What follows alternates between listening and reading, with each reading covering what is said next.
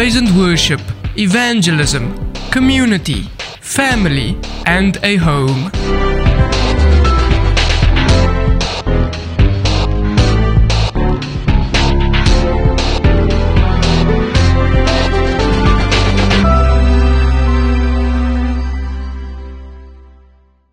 To support this and other programs, you can make use of EFT, Zapper, or SnapScan. We are available on YouTube, Apple Podcasts, and Spotify. Take the time to count the cost before making the decision. An interview with Jesus. Shall we bow our heads for a word of prayer? Our Father in heaven, Lord, we thank you that we can come before you today. And Lord, as we spend some time in your word, we pray that your Holy Spirit will accompany the reading and the hearing and the preaching of your word. And uh, may we be enriched by the message of today. In Jesus' name I pray. Amen. Interviews. Either you hate them or you don't hate them that much. Must admit, I haven't met anyone yet who loves interviews. But either way, interviews can be a terrifying experience if you are on the wrong end of the table. Now, I have faced a number of interviews in my career, and my days of interviews are probably not over as I am preparing for work in a new field now. But for me, perhaps the better experiences I've had with interviews was when I was the one conducting the interviews. I felt in control of the situation and did not feel the pressure of fielding any questions that would test my knowledge and experience. The main task for me as an interviewer was to scrutinize the candidates in order to select the most suitable one for the position that was advertised. Much better than being at the opposite end of the table. Now, Jesus always declared vacancies for workers in his kingdom, and that situation still exists today. We know the familiar words the harvest is plentiful, but the laborers are few. The truth is, workers are always needed in God's work. However, do you have what it takes to be an employee for the kingdom of God? Now, Jesus discussed the possibility of involvement in kingdom work with three particular individuals. And this is found in Luke chapter 9, verses 57 to 62. And this is how it reads As they were going along the road, someone said to him, I will follow you wherever you go. And Jesus said to him, The foxes have holes and the birds of the air have nests, but the Son of Man has nowhere to lay his head. And he said to another, Follow me. But he said, Lord, permit me first to go and bury my father. But he said to him, Allow the dead to bury their own dead. But as for you, go and proclaim everywhere the kingdom of God. Another also said, I will follow you, Lord, but first permit me to go say goodbye to those at home. But Jesus said to him, No one, after putting his hand to the plow and looking back, is fit for the kingdom of God.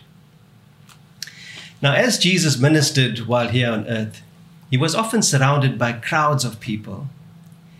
There were times when they would push up to him, trying to get as close to him as possible. In the crowds, there would have been people from all walks of life. Some would have been curious to hear what this new teacher has to say and hopefully see a miracle being performed. I can imagine that there would have been some who were so taken and moved by his teachings that they wished to stay at his side for as long as they possibly could. Eager just to hear more and learn more from him, to hang on to every utterance that came from his mouth. These are the ones that probably wanted to get as close as possible to him, to be even among the 12 of his closest disciples. Then there may have been those who were tentative, hesitant, following, watching, and listening with great interest, but from a safe distance. They were moved by the words that Jesus spoke. Those words pricked their conscience and brought conviction to their hearts. Yet they were not ready to step forward and make that commitment to follow Jesus.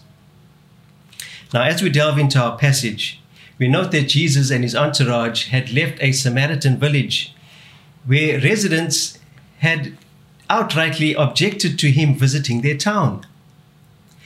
Now, Jesus and his disciples were on the road, probably towards Jerusalem, when he had these encounters with these three individuals that we read about earlier. Now, you will have noticed that Jesus was an itinerant preacher, meaning that he moved from place to place. His main purpose was to proclaim the kingdom of God to as many people in as many places as possible so that more could have an opportunity to be part of his kingdom. So it was while he was on the road, where he spent much time, that Jesus had his first of three interviews.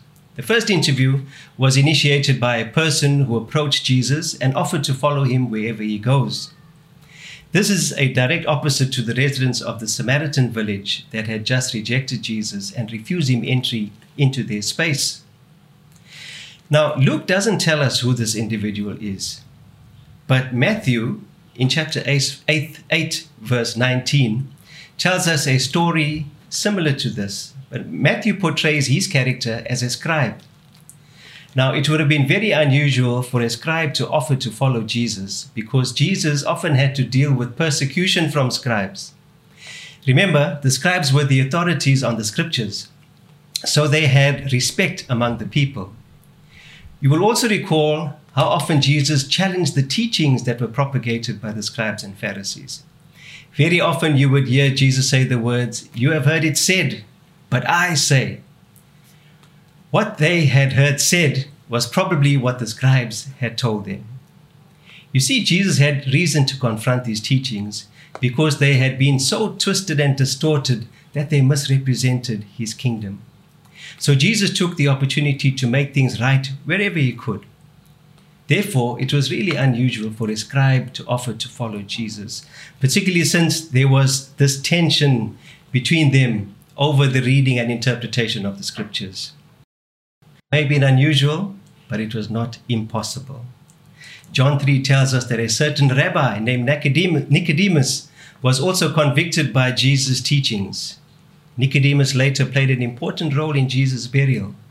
So Jesus did seem to get through to some of the leadership of his time. After all, Jesus came to save them too. The scribes of Jesus' day would have been wealthy, just like the Pharisees and rabbis, and their wealth would have been viewed as a sign of God's favor on them.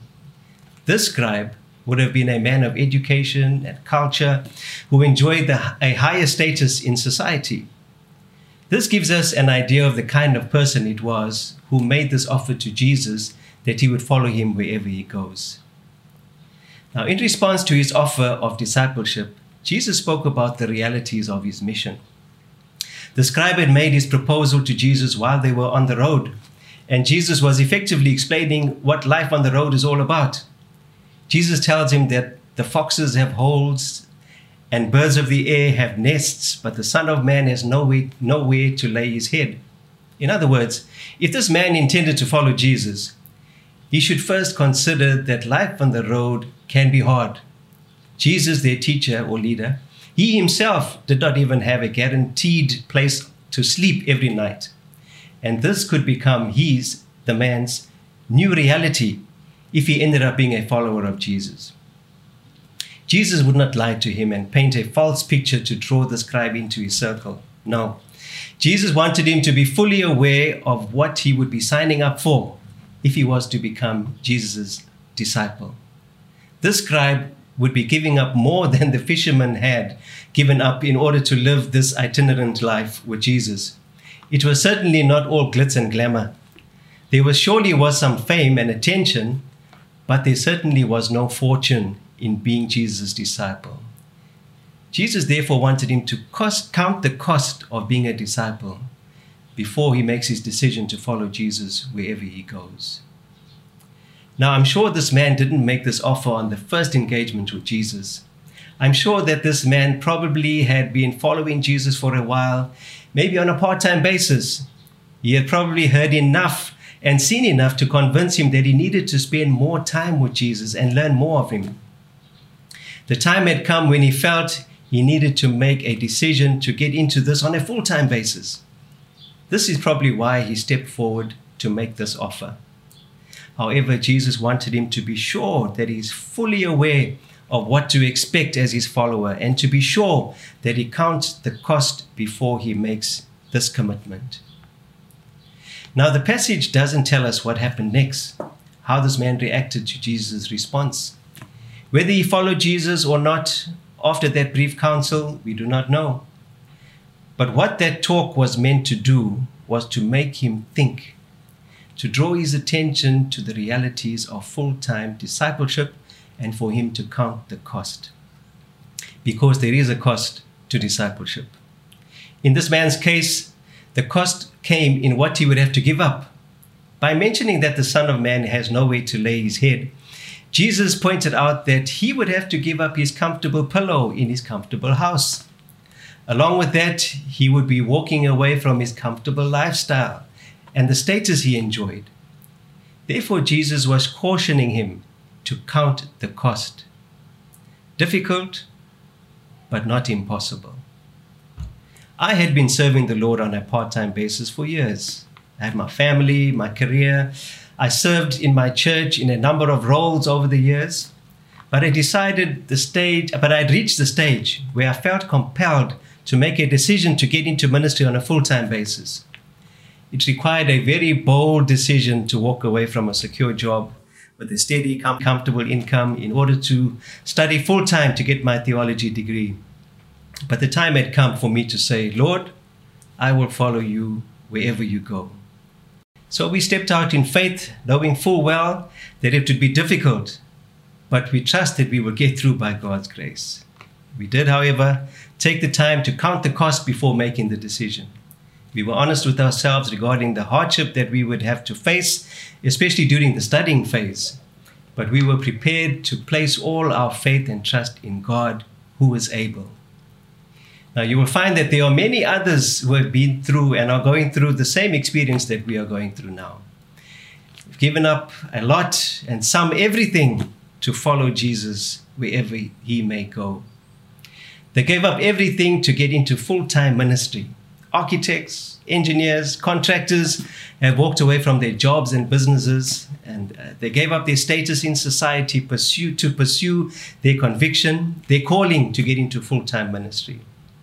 It's a tough call because many go through these four years to obtain the, the theology degree, studying full time with little to no opportunity to earn any income during this period. It is here that we learn total dependence on God for our provision. One has to seriously count the cost before embarking on this journey. And as I've said, I've seen people give up everything, even sell their houses to get through with their studies. Now, I'm not saying that full time ministry is the only way to do it. Not even Jesus said that. After the man offered to follow him on a full time basis, Jesus didn't say to everyone, Listen, everyone, here is a man who was willing to get into full time ministry. This is what you must all aspire to do. No, that's not the message that we get from this text. Jesus just wanted the man to count the cost of discipleship before making a final decision regarding full time ministry. You would recall that after Jesus had healed the demoniac, he wanted to follow Jesus as well. However, Jesus instructed him to go back to his home Jesus needed that man to be a witness where he was in his hometown. Jesus too needs you where you are to be a witness for him in your circle of influence.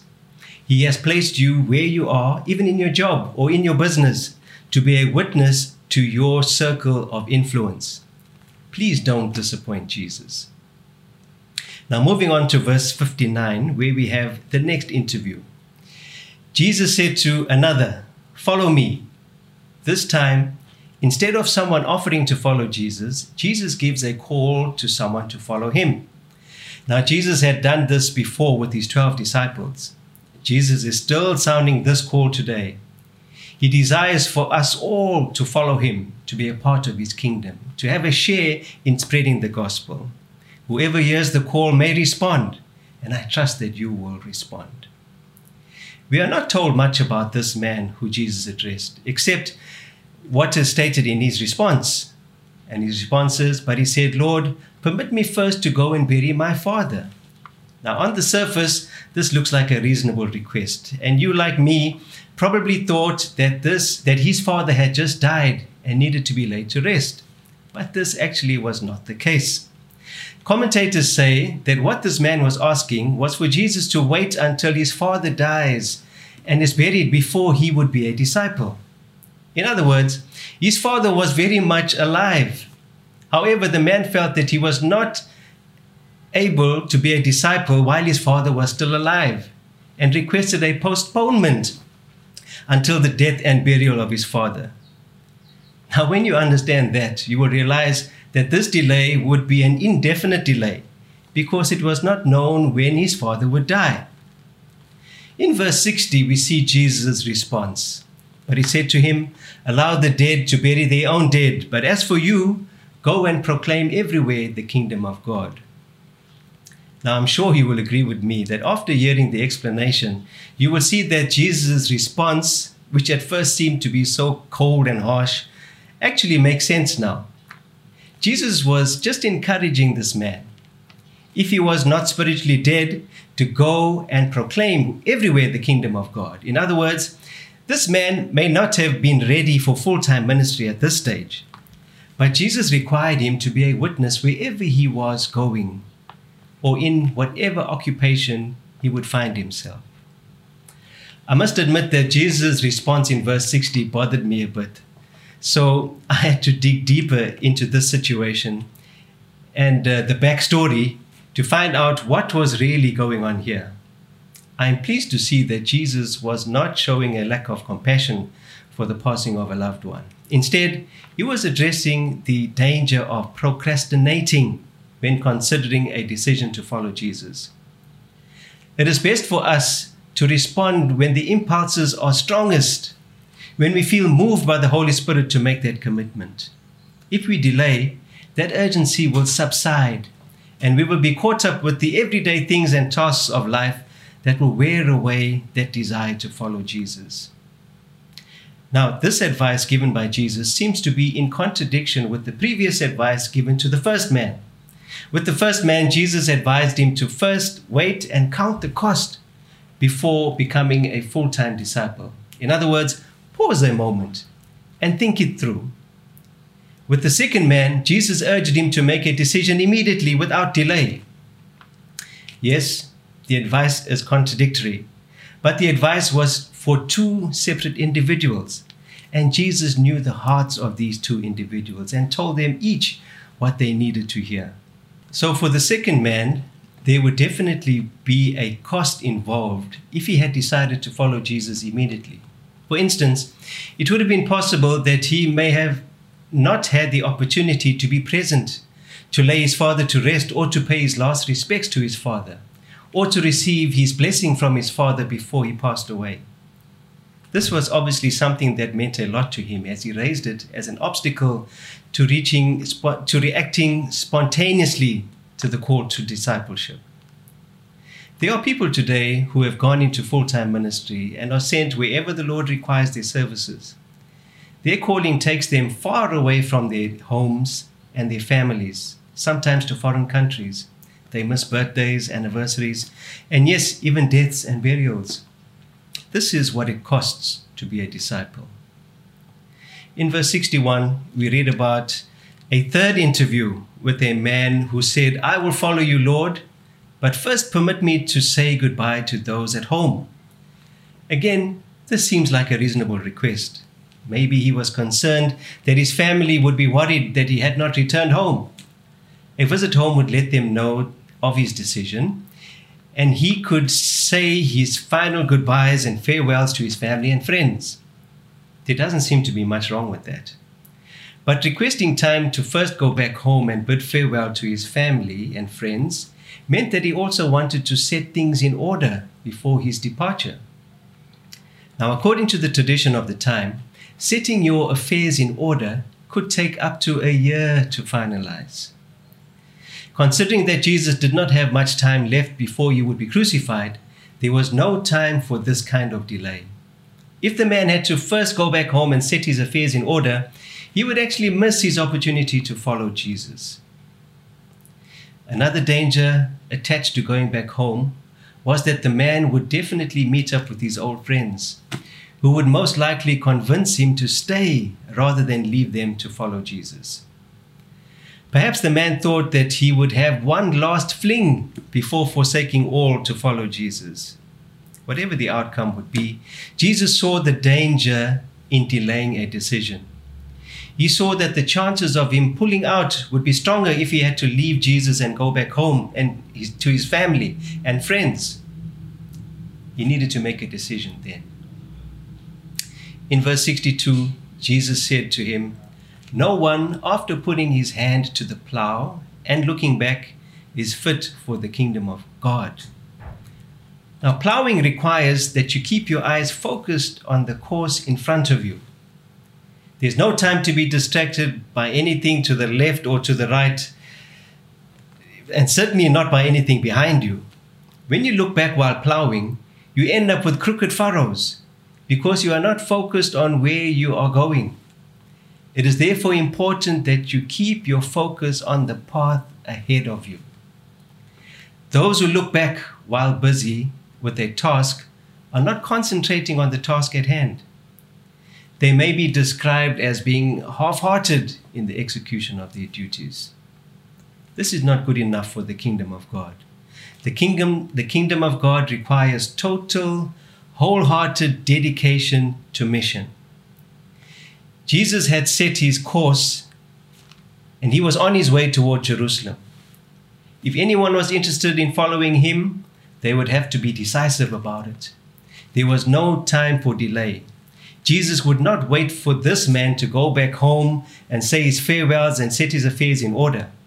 The gospel was marching forward, and he needed to get on board.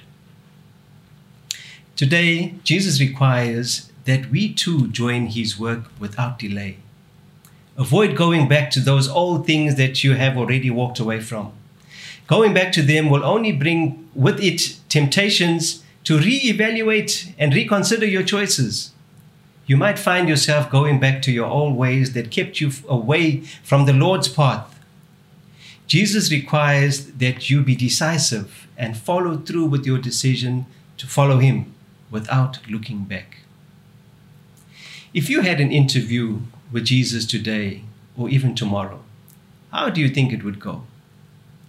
Would you be declared fit for the kingdom of God? Or will you announce a reason to delay your decision? As I've mentioned, God does not necessarily require all of us in full time ministry, but He does require all of us to be His witnesses at every possible opportunity. You can be effective by preaching the kingdom of God within your circle of influence, wherever you may find yourself or wherever God has placed you. While Jesus advises us to count the cost of discipleship, he also cautions that we do not delay making a decision regarding discipleship. Yes, there are many vacancies for workers in the kingdom of God, and Jesus wants to know if you are willing to follow him. Your services, your skills, your talents, and your influence are required to advance and grow the kingdom of God. Won't you be a part of it? I encourage you to speak to your local church leadership to find a way to get involved in some church program within the church structures. If you, impre- if you feel impressed to do so, you can even start your own ministry. But the call to all of us today is to get involved, to be Jesus' disciple. I pray that you will accept that call today. Let's just bow our heads for a word of prayer. Dear Lord, I want to thank you that we could learn from these experiences that are recorded in your word. Thank you, Lord, for your word that spoke to us and um, that has spoken and requires us to make a decision to work for your kingdom. I pray, Lord, that we will be willing to step up, to step forward, and to play our part to advance and to grow your kingdom. Please, Lord, empower us with your spirit and show us the way we should go. In Jesus' name I pray. Amen.